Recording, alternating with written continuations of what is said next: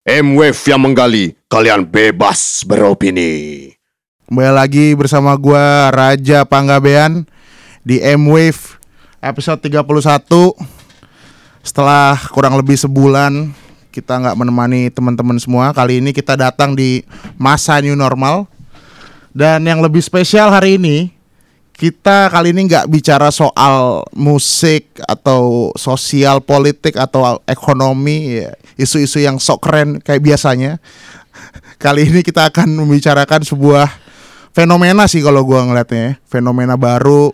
Mungkin nggak baru tapi kayak ya kurang lebih setahun dua tahun terakhir ini gue lihat semakin masif gitu pergerakannya, movementnya. Dan kali ini kita akan bicarakan soal e-sports. Sebenarnya itu karena gua sih Ya nggak? Yo sebagai Pak produser gue minta izin sama Pak produser. Karena gue agak bosen selama dua tahun terakhir ini kita ngomongin musik sosial. Gue pengen suatu di suatu yang baru lah gue bicarakan. Dan kebetulan gue emang cukup punya interest dengan e-sport ini. Dan kali ini gue akan berbicara dengan salah satu orang yang apa ya bisa gue bilang punya sejuta profesi lah di dunia e-sport. Mungkin orang taunya cuma caster tapi ternyata men dia tuh gila punya turunan-turunan bisnis turunan-turunan profesi di e-sport yang luar biasa. Bro Pasta, halo. Hai, apa kabar? Baik, pas di tengah-tengah kesibukan eh, lagi jadi caster di beberapa turnamen apa PMWL ya lo ya? Ya, sekarang lagi fokusnya di PMWL. PMWL Mobile World League. Yes, yang belum tahu itu adalah sebuah turnamen dunia uh, PUBG mobile ya, khusus Yep. mobile uh, dan sekarang lagi running nih selama sebulan ke depan ya pas ya. Sampai tanggal 9 Agustus kalau nggak salah. pertama yang bikin gue penasaran pasta ini nama lo asli apa gimana sih apa karena seorang gamer tuh harus punya eh, ini ya nama-nama inisial yang keren kalau gue kebetulan di, eh, di game yang gue main gue nama inisial gue Gabe tapi itu dari nama ini gue sih marga gue Panggabean Gabe kalau lo kan pasta Ya sama yang lo bilang tadi, eh, kalau jadi gamers tuh biasanya orang tuh punya nama lain gitu. Kalau gua ngambilnya tuh dulu Mr. Pasta. oke Dulu Mr. Pasta. Kenapa Mr. Pasta? Karena waktu gua dulu main warnet ya. Jadi ya gamer-gamer sekarang kan rata-rata anak warnet dulunya. Terus gua lagi mikir lagi mau main game satu tuh dulu gua main run online terus gua mikirin kayak namanya yang keren apa gitu. Waktu itu belum pakai nama pasta, gue ngelihat satu bola bertulisan Philip, nickname-nya jadi Philip gitu. Terus kayak gue mau main game Dota waktu itu, Dota 2 baru rilis kan di masanya terus gue bikin mau nickname apa lagi duduk pinggir jendela nengok kanan ada mobil box lewat gede banget tulisannya kayak ada pasta apanya gitu gue lupa akhirnya gue tulis jadi Mr. Pasta jadi ya dari ngelihat hal-hal sekitar aja yang ada di sekitar gue pas gue lagi mikir main game mau bikin nickname apa tiba-tiba muncul kayak sekarang nih gue lagi di ruangan ini ngelihat misalkan tulisan legasi ya mungkin gue bakal gue tulis legasi gitu namanya tergantung yang gue lihat aja gitu. Yoi.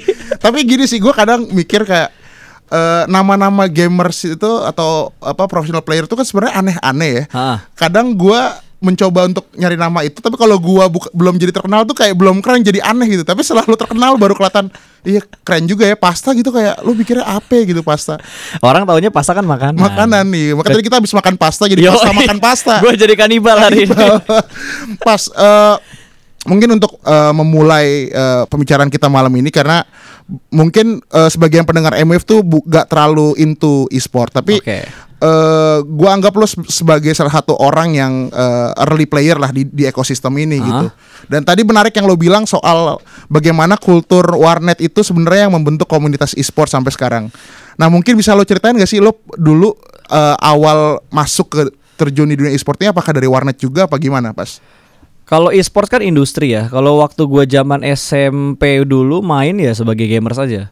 Kalau gua udah kerja di bidang e-sportsnya ini itu gua dari tahun mungkin 2015-2016 yang bener-bener bisa menghasilkan duit. Eh, pekerjaan gua sebagai seorang komentator itu dibayar juga itu di tahun 2015 ke atas. Selebihnya dari gua SMP sampai gua SMA bahkan sampai kuliah itu gua masih buang-buang duit aja kayak dapat uang jajan tabung buat main warnet abis gali lobang dulu kan gali lobang ngutang dulu dua puluh ribu main nih dapat berapa jam besoknya gue bayar dua puluh ribu gali lagi kayak gitu-gitu aja zaman dulu Dan lo akhirnya tadi lo bilang 2014 2015 lah Iya, mulai masuk jadi 2015-an caster. lah. Nah itu gimana lo akhirnya bisa direkrut sebagai caster gitu? Karena menurut gue itu se- sebuah profesi yang menurut gue belum populer lah di dunia e-sport ini gitu loh. betul sebenarnya gue terjebak sih terjebak sama orang yang namanya Yudi. Eh nama panggungnya tuh kalau di game tuh Justin Case.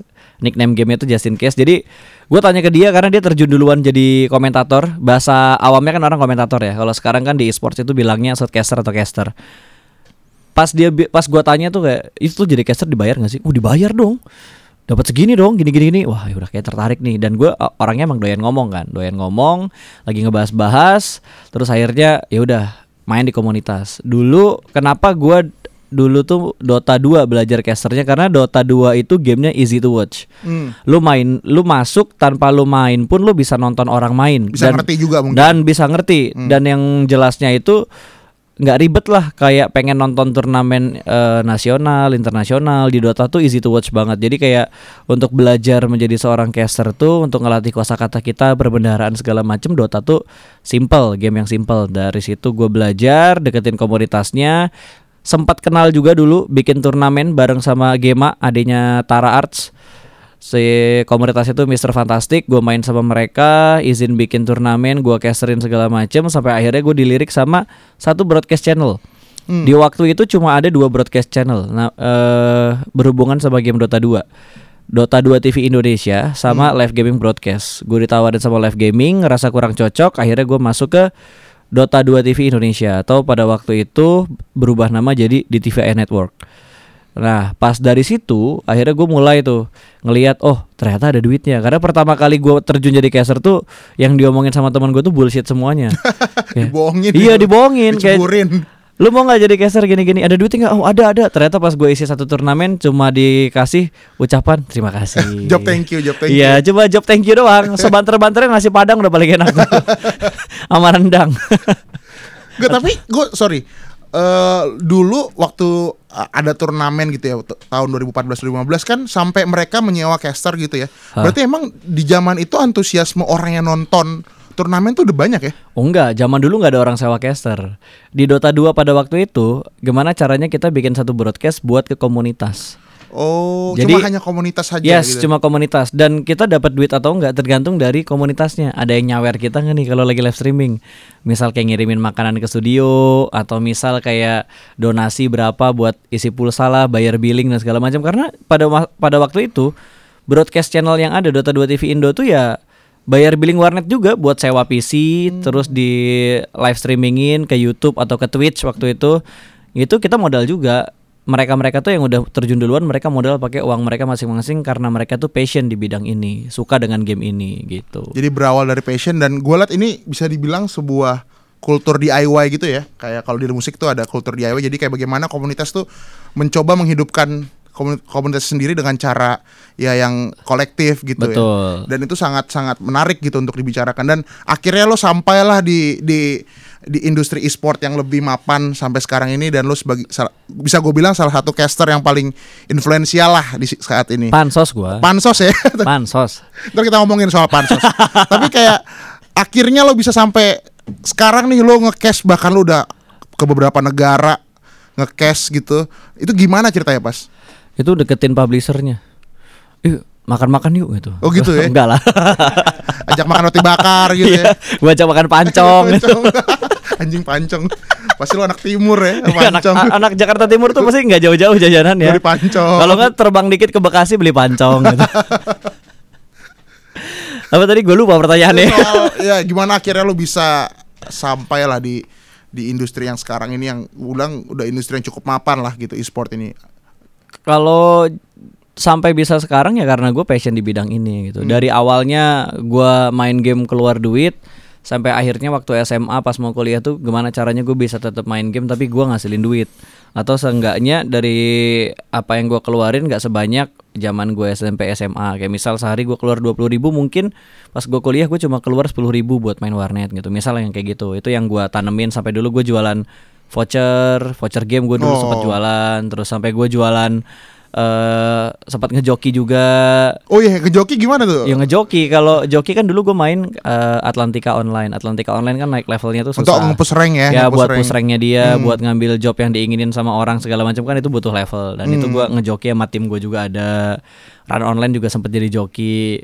Kalau run online gue dulu jokinya itu bukan joki level tapi jokinya lebih ke joki item. Kayak misal nempa barang sampai plus berapa kayak oh gitu. iya iya, Lebih yang item lah ya. trick and trick yang kayak gitulah kan orang nggak banyak tahu tapi gue tahu tips and tricknya jadi ya gue manfaatin itu buat nyari duit yang kayak gitu-gitu aja Jadi memang semua itu juga berawal dari antusiasme lu sama game itu sendiri ya, game e-sport sendiri. pasti dong Dan eh tadi gua tadi kita sempat ngobrol juga ya kayak gua ngeliat e-sport saat ini saking eh, masifnya pergerakannya banyak pengikutnya bahkan data menunjukkan belasan sampai puluhan juta sekarang soal aktif gamer di Indonesia. Oke. khususnya di dunia. Walaupun tuh data itu bisa kita perdebatkan lah. Tapi Ah.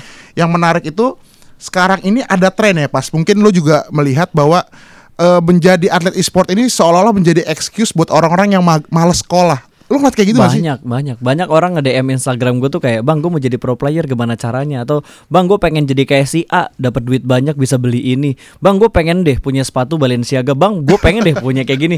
Jadi gamer bisa beli kayak gitu ya bang? Banyak yang kayak gitu. Cuma kan yang mereka lihat itu hasilnya. Betul. bukan proses prosesnya. kenapa seseorang bisa beli barang ini kenapa orang bisa punya follower sebanyak ini baratnya kayak gitulah. Karena kan sekarang industri e-sport itu nggak sebatas lu jago tapi seberapa bagus lo bisa nginfluence orang juga dalam hal ininya ngomongin soal tadi lo ngomong ekosistem e-sport yang udah lo bilang udah sangat maju lah saat ini kayak eh, yang gua tahu kan sekarang ada beberapa klub-klub atau tim yang gue bilang cukup profesional ya pengelola timnya kayak contoh lah let's say kayak RRQ misalnya atau EVOS, Bigetron. Nah, eh, mungkin masih banyak yang belum tahu seberapa jauh sih klub-klub ini tuh memanage klubnya. Maksudnya apakah cuma sekedar ya gua ngerekrut orang, dikasih komputer, dikasih handphone main atau mungkin sekarang udah lebih kompleks dan lebih serius gitu. Gua nggak tahu. Mungkin lu bisa jelasin nggak pas? Kalau itu mungkin lebih bisa lebih jelasnya nanti. Kalau misalkan kita dapat narsum, tapi narsumnya itu yang udah ngebentuk satu tim cuma. Cuma dari kacamata gue yang gue lihat tim-tim sekarang itu udah mulai serius banget. Dimulai dari eh perbaikin kayak misal dari fashion playernya mereka diperbaikin stylenya seperti apa juga Maksudnya fashion as in pakai baju. stylenya dia, bajunya dia Oh, dan iya? segala macamnya. Bahkan kan sekarang banyak juga beberapa manajemen tim yang udah mulai eh, bikin merchandise mereka, jogger lah, jaket lah, hoodie dan segala macamnya. Itu yang yang ngebuat sekarang e-sports itu nggak hanya sebatas orang main game juara, tapi eh, manajemen di dalamnya juga seperti branding fashionnya lah, eh, lifestyle player-playernya seperti apa juga. Karena di luar kan lifestyle di pro player juga udah kelihatan banget kayak keluar pakai BMW segala macam. Iya, iya, iya. Kalau di Indonesia kan sekarang sebatas lebih ke lifestyle biasa kayak lebih ke pakaian-pakaiannya mereka Kayak doang. sepatu Betul. Balenciaga Yoi. misalnya kan. Yang gue belum pakai pouch gua, LV. Gua aja belum bisa beli kayak gitu. Dan oke lo ngomongin soal tadi soal manajemen dan pemain. Dan satu sisi sebenarnya tadi lu cerita ternyata lu sekarang juga lagi mencoba merambah ke dunia coaching ya di dunia e-sport ya. ya, gue sempat dapat tawaran juga dari beberapa tim, tapi karena ini eh, satu hal yang baru gue jalanin, jadi ya gue ngambilnya tuh masih ke tim-tim yang belum terlalu besar lah, yang masih merintis juga. Mhm. Dan itu tim ladies. Oke, dan lo ngelatih itu gimana sih? Maksudnya kayak kan kalau kita latihan bola tau lah. Oke, hari ini kita latihan 6 jam latihan fisik. Nah, kalau di e-sport itu tuh kalau lo ngomong latihan tuh kayak gimana sih? Gua gak ada bayangan soalnya. Nah, bedanya gini. Ada coach yang emang dia tuh strategi banget. Ngebahasnya kayak kalau kita ngomongin PUBG Mobile ya, karena kan gue jadi coachnya Luna Nera itu untuk divisi game PUBG Mobile. nah, gue tuh lebih ngebonding mereka, ngebonding kayak em, ngompakin mereka lagi, ngebangun chemistry mereka supaya makin kuat. Terus kalau ada masalah tuh yang dicari masalahnya apa, bukan siapa yang salah dan segala macamnya. Sementara kalau strategi gue lebih ke ngasih input-input standar aja, kayak misal ngasih referensi rotasi enakan tuh lewat sini. Kalau circle-nya ke arah utara, circle ke arah timur, ke arah barat, ke arah selatan, enaknya itu rotasinya lewat jalur ini. Kalau ke sini ketemunya ntar sama tim ini dan segala macamnya. Jadi lebih kasih ke arah referensi-referensinya aja. Yang gue fokuskan lebih ngebonding tim itu karena entah kenapa menurut gua sebuah tim itu bisa kuat kalau chemistry dan tingkat kepercayaan mereka tuh udah bener-bener bagus gitu. Lu mau sejago apa pun kalau nggak ada chemistry-nya, lu mau sejago apa pun kalau nggak saling percaya satu sama lain ya tim lu bakal hancur. Oh, jadi lo lebih ke membangun eh, Psikologisnya lah. psikologis dan mentalitas Betul. tim karena mungkin banyak tim yang secara individual tuh sebenarnya jago-jago tapi karena gak ada bonding itu yang membuat tim itu nggak bisa jadi juara lah Betul kayak yang gitu. kayak gitu. dan kalau ngomongin scouting player gitu kalau Ah. di dunia e-sport itu sebenarnya gimana sih eh, caranya kan kalau misalnya gini ka- karena kalau kita ngomongin kayak oke lah sp- eh, sepak bola misalnya kita udah jelas nih ada akademi lokal ada apa apa istilahnya S- eh, apa sekolah sepak bola SSB gitu nah kalau di e-sportnya gimana? Apakah apakah lo akan nyari top rank di Indonesia di Nah, dunia? itu. Kalau di e-sport masih kayak gitu. Kayak misal kita ngomongin Mobile Legend. Hmm. Kita lihat nih eh, top globalnya siapa di Mobile Legend atau seenggaknya top Indonesianya siapa di Mobile Legend. Hero A, hero B segala macamnya itu dianalisa sama beberapa scout eh, atau analis yang ada di manajemen tersebut, Hmm. baru mereka masuk ke timnya kalau emang cocok. Dan nggak langsung masuk, pasti kan ada percobaannya dulu, trialnya dulu, ikut beberapa scrim atau beberapa turnamen ngelihat mentalnya bagus nggak kalau dibawa ke turnamen. Kalau ketemu sama tim-tim gede yang lainnya mentalnya bagus atau enggak dilihatnya dari situ. Kalau selebihnya sih selain dari in game statistik lebih ngelihat kayak em, misal kayak gua kenal sama orang A nih orang mainnya bagus nih. Bisa main pinter main lah bisa ngebaca situasi mau coba dulu nggak di trial? Lebih ke orang terdekat aja. Hmm, kepercayaan lah ya. ya yang kayak gitu. Eh, dan sekarang gue lihat pemain itu nggak hanya muncul di Jawa ya pas ya. Oh, Sekarang banget. kayak di luar Jawa juga udah mulai gila ya. betul Kayak gue kayak bisa contoh di Makassar gitu, Yes. itu udah mulai banyak. Itu lo lihat ini ini fenomena yang gimana bisa sampai segini gede gitu. Kalau menurut gua sih fenomena ini bisa terlihat tergantung dari publisher gamenya. Publisher Hmm. gamenya ini ngasih kesempatan kualifikasinya itu sebesar apa, sebanyak apa, seluas apa. Kalau kita ngomongin PUBG Mobile dari Tencent Indonesia juga udah ngasih kualifikasi yang menurut gua lebih besar dibandingkan turnamen-turnamen lain yang pernah mereka adain. Dari segi provinsi kualifikasinya makin banyak, terus dari segi eh, kesempatan kualifikasinya juga jadi semakin banyak juga dan lebih merata juga. Bahkan eh, ada pendaftaran secara individu di mana nanti mereka bakal dikerucutin jadi satu tim dan ngebawa ngebawa pride dari provinsi mereka masing-masing yang kayak gitu-gitu. Yang menurut gua jadi nambahin antusias orang untuk menjadi seorang Professional gamers player, lah ya. atau professional player. Iya. Dan eh, ketika udah ngomongin ini udah begitu virus e-sport ini udah semakin merebak lah di hampir seluruh Indonesia dan gua yang pertanyaan selanjutnya adalah soal stakeholder sih. Oke. Nah, stakeholder ini kita pasti ngomongin soal bisnisnya, eh, soal perusahaan-perusahaan, eh, lalu soal eh, klub dan yang paling penting soal bagaimana sebenarnya pemerintah sebenarnya melihat e-sport ini sih karena kan kalau gue baca tuh ada PB e-sport lah, ada ISPA lah ini Banyak banget. sporadik banget gitu nggak ada yang satu apa unit yang benar-benar mengurusi ini secara serius gitu nah pengalaman lo sendiri gimana melihat stakeholder stakeholder ini Kalau sejauh ini ya dibilang pengalaman, gua nggak bisa ngasih experience yang terlalu yang terlalu detail karena gua sendiri belum pernah ngerasain dapat event dari pemerintah yang resmi. Kayak waktu itu yang udah pernah jalan kan Piala Presiden. nah Pak Jokowi tuh denger denger Pak Jokowi ya? Bapak nggak ngundang saya, Eh, Pak. masa sih Pak Jokowi? Iya iya iya. Malah giring ini undang eh kontak-kontakannya sama Mas Giring waktu itu. Oh, iya, Giring. Nah, waktu itu sempat jalan satu project bareng sama Mas Giring. Karena Mas Giring kan kalau nggak salah bikin satu satu turnamen juga waktu itu. Eh, ISPL kalau nggak salah namanya. Dan kebetulan gua ada di project itu dan ya udah ngisi. Tapi kalau kita ngomongin support dari pemerintah sekarang ya mungkin hanya sebatas kemarin aja eh, Piala Presiden dan ini lagi mau jalan lagi katanya ada Piala Presiden season-season berikutnya cuma kan kita masih juga. ngelihat juga perkembangannya gimana. Tapi kalau kita ngomongin asosiasi yang atau lembaga yang lagi ada kayak IESPA atau kita ngomongin PBI Sport dan segala macam lembaga- lembaganya memang ada cuma gue sendiri sebagai orang dari komunitas belum terlalu ngelihat lah efek Impactnya apa? efeknya tuh apa impactnya belum ada Nah, ka- karena itu sih yang buat gue juga kecewa dalam arti gini. Ini sebuah industri yang gede dan Piala Presiden itu 2019 ya. iya kalau waktu mau pilpres pilpresan jadi kayak Ah. gue masih melihat pemerintah tuh masih melihat e-sport ini sebagai demografis eh, potensial kayak potensial voter aja gitu loh bukan bukan sebagai sebuah apa ya industri yang diperhatikan untuk membawa nama besar Indonesia karena ngomongin prestasi kita sama-sama tahu bahwa di bidang PUBG mobile di apa Mobile eh, Legend. Mobile Legend di mungkin di Free Fire juga udah banyak eh, pemain-pemain yang eh, berprestasi. Betul. Karena beberapa turnamen terakhir kayak Mobile Legend juara dunianya dari Indonesia EVOS.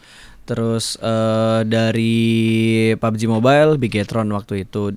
Udah banyak banget lah prestasi-prestasi anak bangsa yang lahir dari industri esports ini. Cuma emang belum mendapat dukungan yang terlalu terlihat dari pemerintah. Mungkin udah ada, cuma nggak terlalu terlihat karena nggak terlalu ke expose mungkin ya.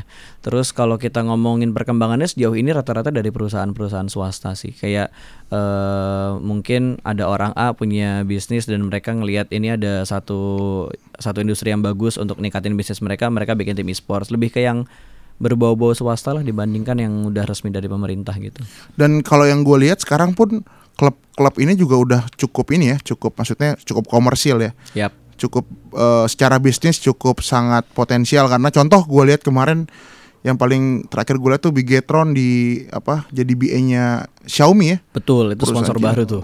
Iya, Dan itu menurut gua berarti kan tim Indonesia tim Indonesia tidak hanya dilirik di Indonesia saja, tapi juga mungkin di region Asia lah gitu ya Betul. karena udah juara dunia. Oke, eh terus mungkin yang sekarang kita ngomongin sekarang yang lagi lo jalanin sekarang lah. Oke. Soal PMWL nih. Ini PMWL ini mungkin sebenarnya kejuaraan dunia ya bisa dibilang PUBG ya, Ya, jatuhnya tuh kayak Piala Dunia lah kalau di bola. Piala Dunia Ah, dan cuma masih tingkatan Asia.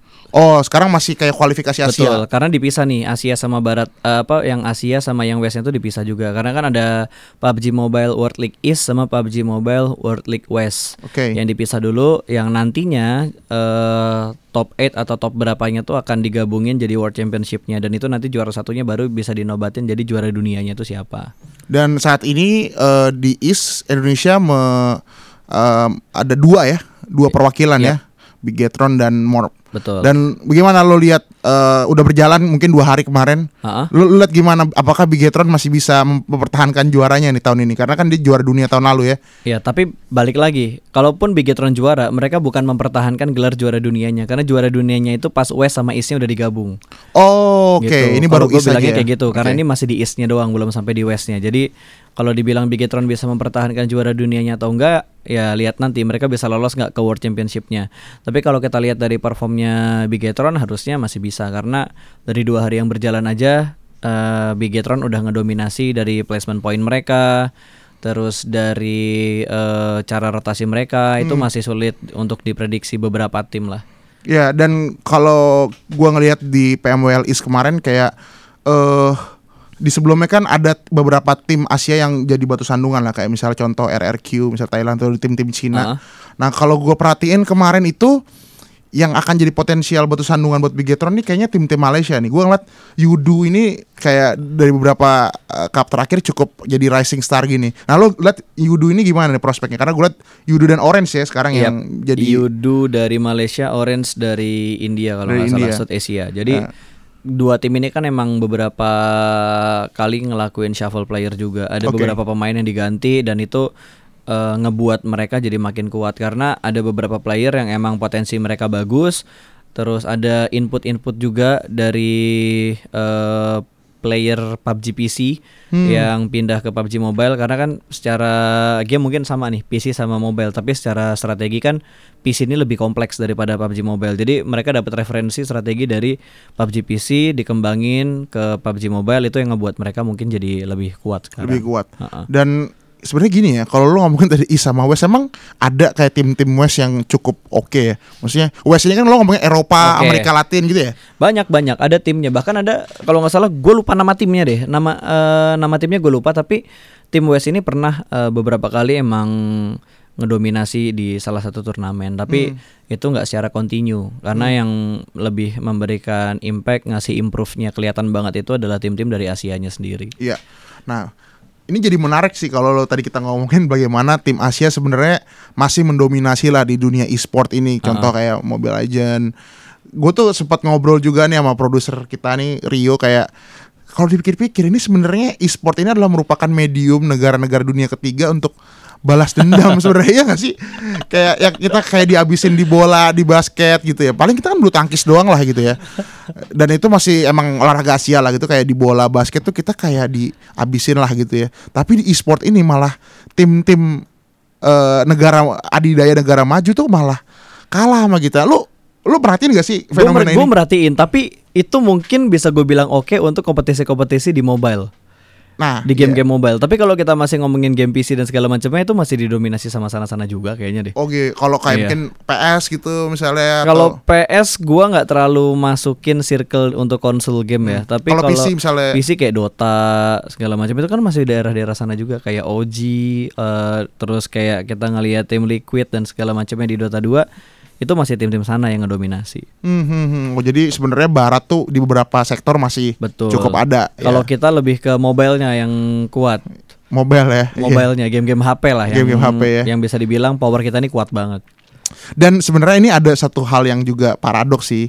Kayak di tengah-tengah kayak kenaikan antusiasme terhadap game mobile di Indonesia, tapi Ah. sebenarnya kita tuh masih punya ma- masih punya masalah jaringan yang sebenarnya itu sangat-sangat apa ya kayak menyedihkan sih. Tadi gue lu contoh lu baru cerita bahwa beberapa kali Bigetron ketika dia lagi ikut lomba dunia online gini, pingnya tuh Ya, tinggi. itu itu yang terjadi sekarang di PMWL karena kan PMWL jalan itu online. Hmm. Salah satu kendala paling besar ketika online adalah koneksi karena yang main tuh nggak cuma dari Indonesia doang, tapi dari Vietnam main, dari Thailand main, terus dari Korea, Jepang ada tim mereka yang main juga.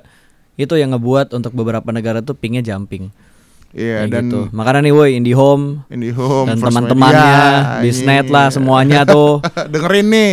nggak usah lah di limit-limit. Itu salah limit-limit. di Korea aja gua ke McD internet Free 60 wifi. Mbps masa di sini ke McD aja rebutan slot Iya, gue makanya ngebayangin kayak ini di, di tengah jaringan internet kita yang begini aja, kita masih bisa apa ya, masih banyak antusiasme gimana ini semakin udah terbiasa udah udah terbiasa udah malah ya. terbiasa dengan internet nge-lag. Jadi kalau kita ngomongin turnamen internasional kita nge-lag kita udah gampang adaptasinya. Di Indo lu pakai provider apa pun handphone sekarang pasti kan 3G-nya hilang lah Iya, tiba-tiba lu iya. masuk apartemen mana 3G-nya hilang, 4G-nya hilang, HP lo nggak nyala tiba-tiba nggak bisa ngubungin sana sini gitu kan pusing. Iya, udah terlalu terbiasa Indonesia dengan kayak gitu. Iya iya iya. Ini sebenarnya kayak ini sih kayak apa? Kayak militer-militer kita gitu loh yang di sini tuh udah terbiasa dikerasin makanya kalau lawan orang-orang barat mah kita Sama lah kayak aja. COVID COVID pertama muncul kan dibilang Indonesia nggak bakal kena COVID. Iya, ada nasi kuning gitu iya, kan. di kita udah terbiasa tuh yang namanya tidur di pinggir jalan lah segala macam yang nggak bakal kena COVID. Akhirnya tujuh ribu juga sekarang. Aduh. Iya iya iya. Eh pas gue ini sih eh, tertarik soal ini sih eh, lebih ke bagaimana kayak stakeholder utama dalam hal ini pemerintah memperhatikan eh, e-sport ini gitu. Kalau setahu lo sekarang tuh ketika lo kayak membuat sebuah turnamen, contohnya gitu, apakah kayak ada kontribusi pemerintah misalnya dari segi regulasi, dukungan apalah, dukungan support berbentuk regulasi atau apa pun dukungan politik apa pemerintah tuh bener-bener kayak udah deh dia nggak nggak tahu apa-apa soalnya apa gimana sih sebenarnya? Kalau gua masalah itu sih gua agak no comment. Hmm. Agak no comment tapi gua mau komen dikit. Ya komen dikit lah. Jadi gue lebih ngelihatnya sejauh ini ya yang gue lihat bantuan dari pemerintah itu entah itu dari IESPA ataupun dari lembaga lainnya yang mena- menaungi e-sports. Kan tadi kayak lo bilang ada PBSI dan segala macamnya juga ada yang berdiri secara swasta gitu juga lah. Tapi ya impactnya belum terlalu kelihatan gitu. Ya, bantuan seperti apa yang mereka berikan entah itu dari segi eh, publishing dari eventnya atau lebih ke arah support untuk prize poolnya lah dan hal lain-lainnya itu gue belum terlalu ngelihat sih kayak ngelihat ada satu turnamen ada label misal contoh kayak IESPA-nya tapi pas gue tanya IESPA support apa Naruh nama doang. nah doang jadi kayak Sama ya mem- membuka udah. acara, memberikan Ya sambutan udah. ketua sama kayak ISPA gitu itu ya. doang kayak ini turnamen terjamin karena ada label IESPA-nya kayak gitu-gitu loh. Maksudnya belum ada yang Signifikan mungkin lah. mungkin gua nggak tahu mungkin gua nggak tahu. Tapi sejauh ini yang gua lihat ya yang kayak gitu. Belum ada terlalu besar lah pengaruhnya dari beberapa lembaga e-sports yang udah ada di Indonesia ini. Ya maksud gue itu kembali lagi jangan sampai kayak ini dijadikan kayak beberapa pihak-pihak oportunis gitu yang cuma pengen mendompleng. Karena lu tadi cerita sebelum acara ini dimulai bahwa sebenarnya tuh e-sport ini tuh emang berangkat dari komunitas-komunitas dan sebenarnya short circle kan sebenarnya. Yes. Itu itu aja yang lo temuin gitu. Ketika lo ke sini eh ternyata lo lagi eh lo lagi. Iya, sama kayak kita habis podcast gini nih. Sebelumnya kita nggak kenal terus tiba-tiba gue main ke satu kantor broadcast. Tiba-tiba ngeliat lu. Hmm, hmm. circle-nya kan kayak gitu juga berarti. Iya, iya, nggak iya. nggak terlalu jauh beda juga. Toh iya. gue ketemunya juga dari beberapa pengisi acara terutama buat komentator-komentator di e-sports ini ya. Ya ketemu ke event A dia lagi. Ketemu event B dia Lo lagi, lagi, iya. ke event mana lagi ya lulu lagi nggak ada yang lain karena regenerasinya itu juga nggak terlalu besar Signifikan ya. banyak yang muncul dengan cepat dan banyak yang menghilang dengan cepat juga itu hukum alam di e-sports tuh. Tapi berarti kayak karena lo ngomongin short circle sebenarnya di industri e-sport tuh eh, masing-masing klub itu kan punya manajemen ya berarti Betul. ya. Dan manajemen itu pasti juga punya berbadan hukum segala, punya ada Oke. CEO, ada apa mungkin ada direktur-direktur, Ya, ada, yang orang ngurusin legalnya, finance-nya ya. segala macamnya. Apakah udah sejauh itu nggak sih? Lu mungkin bisa jelasin gak sih bagaimana kayak lo li, ya, berdasarkan observasi lo aja lah ya.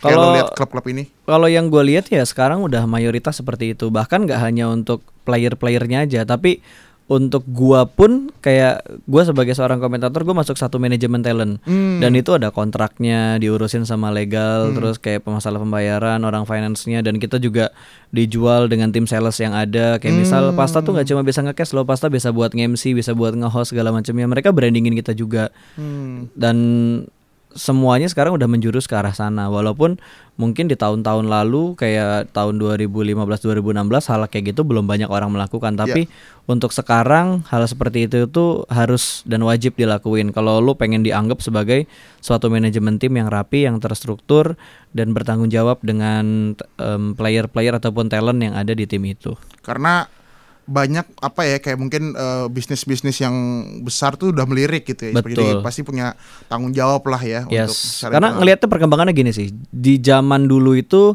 yang masuk buat jadi sponsor itu masih berhubungan dengan game kayak headset, Hmm. eh, keyboard, mouse, gaming gear lah. Iya. Kalau sekarang kan udah mulai masuk tuh kayak makanan-makanan. GoPay, terus udah masuk lagi kayak eh, Red Bull, Kerating Bull, Deng dan segala macamnya. Mereka udah mulai aware dengan industri ini. Itu yang Iya, ngebuat industri sports sekarang tuh lebih dilirik mungkin sama orang banyak dan banyak yang ingin terjun ke industri ini tapi nggak tahu stepnya seperti apa. Dan bahkan kalau gue lihat juga BA yang dipakai tuh nggak game nggak cuma gamer loh. oh betul. Contoh kayak RQ gue lihat ternyata BA-nya penyanyi si siapa namanya? Jody, Jody, Jody. Indonesian Eh, Idol. Jody lagi. Prisia Jody. Iya, iya. Jody. Iya, di- jadi kayak emang udah ada intensi dari tim e-sport tuh emang udah memperluas spektrum ininya dia sih. Nah, berarti ketika lo ngomongin kayak udah segitu mapannya, berarti kalau kita ngomongin uang yang udah muter lah di, di ekosistem e-sport ini, berarti udah gede dong. Oh udah gede banget. Maksud gua kalau kita ngomongin game yang ngetren banget kayak Mobile Legend, PUBG Mobile, rata-rata kan gaji mereka sekarang udah UMR. Oh, lu nggak nggak ada turnamen aja lu digaji UMR. Ya itu tergantung kontrak masing-masing ya. Cuma yang gua tahu ketika turnamen lagi running, lagi jalan, itu gaji mereka rata-rata UMR. Dan kalau ngomongin full price gitu ke setiap turnamen sekarang udah MM-an ya. Uh, udah banyak banget apalagi kalau kita udah nyangkut ke brand-brand gede. Kayak yang lagi jalan tuh kalau nggak salah belakangan ini eh, GoPay Arena Championship tuh yang ngadain GoPay. Hmm, hmm. Prize pool kalau nggak salah sampai satu miliar. Wow. Terus ada beberapa turnamen juga dari Telkomsel, prize pool sampai di 500 juta, 800 juta Wow. kayak gitu. Jadi emang udah sangat serius sih. Bahkan menurut gue udah bola sih sepak bola udah mulai-mulai tersaingi sih ya. Karena tuh gue ngeliat gini ya pas kayak di masa-masa pandemi gini kayak menurut gue e-sport tuh ada salah satu prospek yang paling besar lah karena emang apa natur natur e-sport tuh udah virtual gitu loh. Jadi makanya gue cukup yakin beberapa bulan mungkin setahun ke depan e-sportnya akan semakin menyamur ya gitu ya. Yes. Ya, dan- In- industri yang nggak bakal mati. Betul, betul, betul. Apalagi kalau kita ngeliat dari zaman warnet sampai sekarang gitu ya. Dan pasti namanya teknologi, ini kan bukan teknologi Betul. akan selalu muncul teknologi-teknologi yang lebih. Itu mutakhir. pesan dari bokap gua tuh. Lu kalau mau nyari kerjaan itu cari satu bidang industri yang nggak akan mati. Kayak tek- teknologi nggak bakal mati, men. Teknologi Hmm. Iya, bakal iya. berkembang terus. Iya. Terus kalau kita ngomongin eh Makanan, pembangunan lah, Ah. pembangunan nggak bakal mati. Nggak mungkin kita jalan nggak ngelihat ada pembangunan dan segala macamnya. Itu kayak kalau kita mau survive-nya lama, carilah bidang industri ini yang nggak bakal mati kalau mau kerja. Dan itu yang lo jelaskan juga ke calon mertua lo nggak?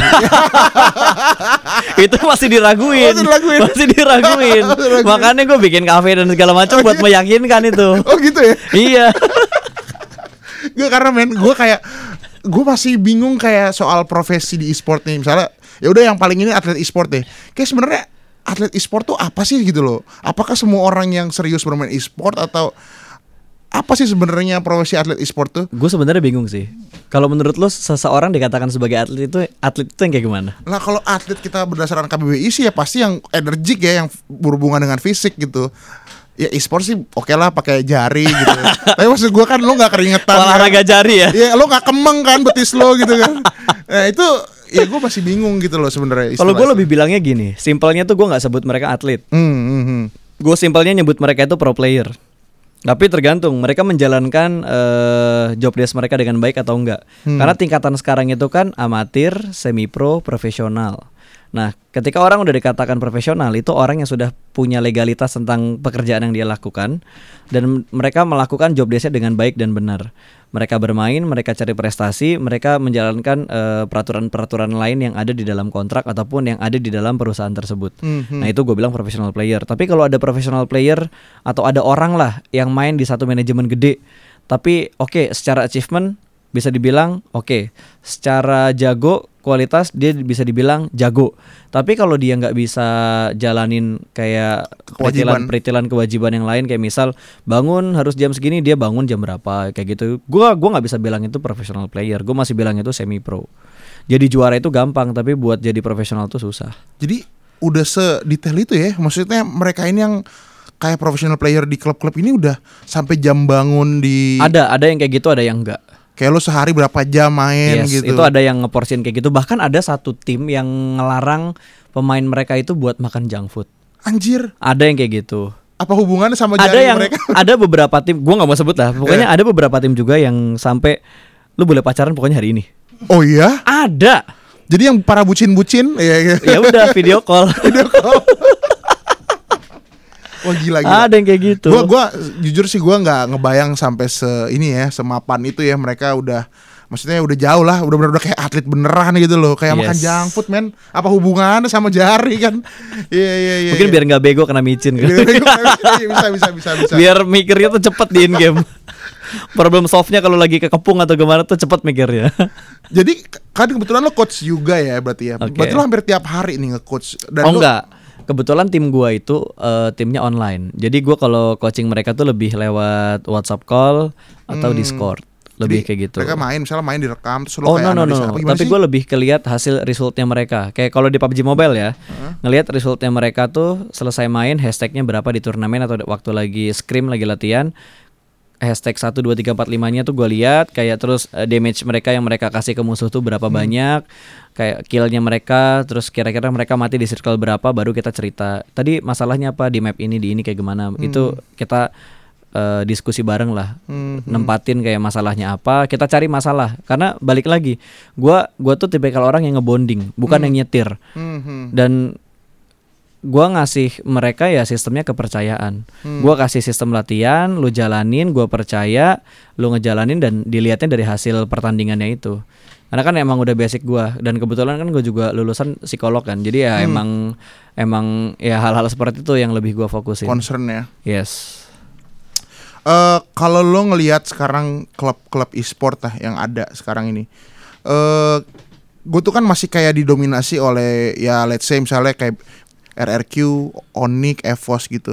Nah, lo melihat prospek tim-tim e-sport yang lain gimana sih? Ap- apakah ada eh, adakah mungkin klub-klub kuda hitam ke depan nih yang bisa nyaingin mereka-mereka yang di atas ini nih? Pasti ada. Gue malah lebih menunggu kejutan-kejutan dari kuda hitam Hmm. daripada beberapa manajemen tim yang ada. Karena lo sekarang bikin tim kan mikirnya antara lo pengen ngambil ini dari segi bisnis atau lo pengen nge-branding nama tim yang lo bawa, yang lo bikin gitu. Betul. Kalau lo udah hubungin ke bisnis ya lu lebih ke entertainnya. Kayak kontennya seperti apa terus eh, juara turnamen tuh lu nggak mementingkan juaranya tapi lebih ke seberapa sering tim yang lu bikin ini tampil dalam sebanyak apa pun turnamen yang ada di Indonesia kayak gitu. Hmm, karena gue ngeliat gini pas kayak gue ngeliat sekarang eh, kan dalam dunia e-sport ini kan juga ada transfer ya kayak beli jual jual beli ada dan gue ngeliatnya ada beberapa kayak tim-tim yang lagi rising nih. Misalnya pemainnya juga bagus-bagus tapi karena ada beberapa tim yang dominasi di, di take over tuh. Contoh nih kayak Bigetron lagi bikin Bigetron Ion. Hah. dia tuh kan kayak ngambil pemain kayak si Red Face betul. Jersey. Padahal sebenarnya Red itu lagi ini Lagi nih, bagus-bagusnya. lagi bagus-bagusnya gitu. Nah, jadi gue sebenarnya juga penasaran sih kayak ngelihat tim-tim kuda hitam ini dan semoga juga ada makanya itulah butuhnya stakeholder untuk meregulasi ini sih. Yap. Ya nggak sih biar nggak ada. Contoh kayak bola misalnya kan sekarang juga ada peraturan nih soal transfer. Nah, maksud gue e-sport tuh juga ke depannya harapannya kayak gitu, ya nggak sih? ini yang lagi bingung di Indonesia karena nggak ada lembaga yang mau ngurusin hal seperti ini. Kalau kita ngomongin ada ISPA, kita ngomongin sama PBSI, mereka nggak terlalu aware dengan apa yang ada sekarang. Oke lah, mereka ngasih support, misal eh, dengan adanya label kita turnamen kalian terpercaya, atau kita support dari eh, tempat, misalkan kalian butuh tempat seperti apa untuk venue sebuah turnamen, kita bisa bantu kepengurusan izin dari turnamennya nanti. Misal mereka support dalam hal-hal seperti itu, tapi hal yang lebih dalamnya tuh nggak mereka lihat kayak bursa transfer pemainnya seperti Betul. apa, terus kayak legalitasnya nanti setiap playernya tuh seperti apa. Kalau mau enak kan semua player yang ada sekarang itu tercatat di ISPA atau di PBSI-nya. Habis mereka catat nanti eh, manajemen tim bakal ngasih list misal ini harga segini segini segini segini segini segini dan Ada- ada bentuk- standarnya ya? Nah, ada standarnya berapa kayak misal sekarang kita ngelihat lah ada satu turnamen yang tiba-tiba kita lirik ada player A yang bagus di turnamen ini. Hmm. Terus manajemen ini ngejual langsung 200 juta. Ada yang mau beli nggak? Emang sampai ratusan juta gitu ya? Sampai ada yang ratusan juta Anjir. buat transfernya tuh. Dan ada beberapa juga kan yang gue nggak tahu sih maksudnya dari bursa transfer ini gue kan nggak terlalu mendalami bola juga. Nah, kalau di bola tuh misalnya bursa transfer 100 juta gitu misal. Nah, pemainnya dapat potongan enggak, dapat berapa persen dari ininya enggak, ininya ada gitu-gitunya enggak. Nah, yang kayak gitu-gitunya yang yang di e-sports itu maksud gua kayak belum terlalu jelas juga. Makanya player tuh harus pinter juga. Itu Jangan semata-mata pengen jadi pro player, ninggalin sekolah, terus digoblok-goblokin. Nah, Banyak yang kayak gitu. Itu dia, itu dia. Dan itu makanya menurut gua fungsi fungsi pemerintah dan asosiasi sih. Karena ya apa ya, sekarang nih gue liat juga perputaran duitnya udah makin tinggi. Betul. Antusiasme tinggi. Gue takut banyak banget tuh orang soalnya udah banyak yang excuse kayak mah mal sekolah aku mau jadi atlet e-sport aja mau kayak Bang Luxi misalnya. Udah Banyak, yang kayak gitu. men. Banyak. Iya, itu kan kasihan mereka kan gitu loh. Sampai saudara-saudara gue juga ada yang bilang, Mas, eh, aku mau jadi mau jadi kayak lemon dong. Iya iya Ricky Lemon ya. Ah, mau jadi kayak lemon dong. Kan lemon sekarang nggak sekolah dibilang kayak gitu. kan dia nggak tahu apakah lemon dulunya pernah sekolah atau enggak, Iya. pendidikannya sampai mana. Iya iya iya. Walaupun itu udah terekspos ke media juga, tapi kan nggak banyak orang tahu juga tentang hal itu. Jadi Betul. ya, menurut gue dari pelakunya juga harus ngasih eh ngasih transparansi juga ke Itu orang-orang dia. banyak. Lu bisa jadi kayak gini karena lu waktu itu seperti apa? Apakah jam latihan lu kayak gimana, ininya kayak gimana, dedikasinya sebata eh, seperti apa, Hmm. batasnya sampai mana? Karena lu harus tahu limit. Kayak gua sekarang gua di e-sports itu gue udah mikirin limit gua nanti kira-kira sampai umur berapa. Makanya gua beberapa kali pas gua lagi ada rezekinya nih, karena kan gue pengennya tuh hidup pas-pasan. Hmm. Pas gue mau bikin kafe duitnya ada. Yakin lo gak mau kaya? gue pengen pas-pasan aja. Oh, susahan aja. Kalau kaya tuh kayak ngatur duitnya susah. Oh, iya, Kalau iya. pas-pasan kan kayak enak makin mau bikin banyak duit, kafe makin nih. banyak pikiran men. Iya. itu bener bener. Pajak lagi kan. Pajak, Wah. itu dia. Makanya gue mikir tuh mendingan pas-pasan aja. Mau bikin kafe duitnya ada, mau bikin ini duitnya ada. Jadi gue lebih mikirin kayak setelah gua nggak berkarir di e-sports nanti di depan layar, kalaupun gua mau ngambil belakang layar, gue udah tahu gua harus ngelakuin seperti apa. Mhm. Dan jadi pro player pun lu juga harus mikir kayak gitu. Ketika lu mekanik lu udah nggak bisa ngikutin yang anak-anak muda sekarang gitu. Karena Betul. kan sekarang usia pro player berapa sih? Paling sampai 26 27. Iya, karena makin turun ya. Karena Yes. 14 tahun udah jago-jago. responsif lo tuh udah pasti berkurang. Semakin umur lo bertambah, kapasitas otak lo juga pasti kan bakal ya kepake lah. Iya, Kalau iya. emang lo pakai tuh otak ya. Kalau nggak lo pakai kan otak lo kosong. Selama otak lo belum di lutut ya. Iya. Selama belum kopong tuh bagian bawah lo. ya lo harus mikirin juga. Jangan jangan sampai pas lo jadi pro player nama lo lagi bagus, lo hedon beli barang ini, beli barang itu. Pas Betul, udah pas nama lo udah mulai turun, lo udah nggak laku lagi, lo bingung mau ngapain. Betul, masanya udah hilang ya. Betul. Karena usia-usia kalau gue perhatiin player sekarang tuh malah rentannya tuh kayak 17 sampai 25 ya yang masa-masa ininya lah Produktifnya. produktifnya. Malah produktif pro player menurut gua sekarang itu dari mungkin dari 15 sampai 24 kali ya. Oh iya? 15 sampai 24 tahun. Karena kalau kita ngomongin PUBG Mobile sekarang range usianya berapa sih? Zuxi Luxi 17, Liquid 16 17 kalau nggak salah deh. Terus kayak mereka udah ngasilin duit MM-an juga. Setahun. Dan iya kan? untungnya orang tua mereka juga aware akan hal itu, Yes. ngontrol keuangan anak-anaknya juga. Kita mikirin juga ada beberapa player yang memang lahir dari keluarga yang broken home juga, yang Hmm. nge-manage keuangan mereka siapa kalau mereka nggak ada yang ngajarin. Jadi eh, udah banyak sih sekarang tim-tim yang udah mulai ngasih kayak psikolog ke Oh iya? player-playernya juga ada yang kayak gitu. Bagus, Bahkan bagus, bagus sampai ada yang mikir ketika kalah lagi ngedown banget, psikolog datang, di boosting lagi mentalnya, eh, Wow. mentalnya di boosting lagi, di bonding lagi timnya supaya mereka tuh tetap tetap lapar buat juara. Kalau emang Hmm. timnya mikirin prestasi, kalau emang timnya udah mikirin mulai hanya branding dari sponsor-sponsor ya perkuat lagi entertainnya mereka seperti apa kayak Iya. gitu-gitu. Ya, sebenarnya mungkin godaan itu ya, godaan untuk ngartis ya. Wah, susah banget. Apalagi di Indonesia yang memang Banyak kayak- yang song artis di sport juga. Iya gampang banget untuk apa ya kayak gampang banget lo dengan kontroversi lu bisa terkenal gitu ya. Bener. Gitu Gua ya. gua juga dulu sempet sih nahan. Untungnya gue punya circle tuh yang bagus. Jadi ketika gua ngerasa gue udah naik, ada jiwa-jiwa star syndrome-nya keluar nih teman gua nahan nih Hmm. teman gua nahan dengan omongan-omongan yang halus lah kasarnya lah kotornya lah segala macam dan itu mengingatkan gua itu yang mungkin mungkin itu yang ngebuat gua alhamdulillah bisa sampai di titik ini sekarang Hmm, hmm, hmm, hmm, hmm. Ya jadi teman-teman itu tuh denger tuh para yang lagi eh, pengen jadi atlet e-sport ataupun yang belum tahu bahwa sebenarnya dari pembicaraan ini gue jadi kayak membuka mata gue banget sih pas soal udah e-sport. melek sih lu dari tadi Udah melek sih, Iya. tapi kurang melek aja tadi gue. Mata batinnya belum kebuka, mata batin. matanya udah kebuka. Gue kayak gue pikir ya elah e-sport cuma sekedar lo di rumah gitu malam makan indomie terus lo main game ternyata nggak men sekarang udah beg- sangat-sangat amat kompleks dan mapan. Dan harapannya pembicaraan ini tuh bisa ya memberikan inilah ada mungkin sentilan-sentilan buat orang-orang stakeholder yang punya kuasa di dunia e-sport agar lebih aware lah sama isu-isu ini tadi gitu. Wajib itu. Wajib. Pas thank you banget pas Sip. atas waktunya. Eh, kurang lebih kita udah banyak membicarakan soal e-sport. Harapannya ke depan bisa muncul eh, professional player yang lebih berprestasi dan good luck buat PMWL Amin. semoga eh, tim Indonesia yang juara. Amin amin amin. Apa nama ininya? Hashtag Indonesia? I- eh, Indo Pride. Indo Pride. Indo Pride sama Gaspol gaspol thank you semua yang udah dengerin. Ciao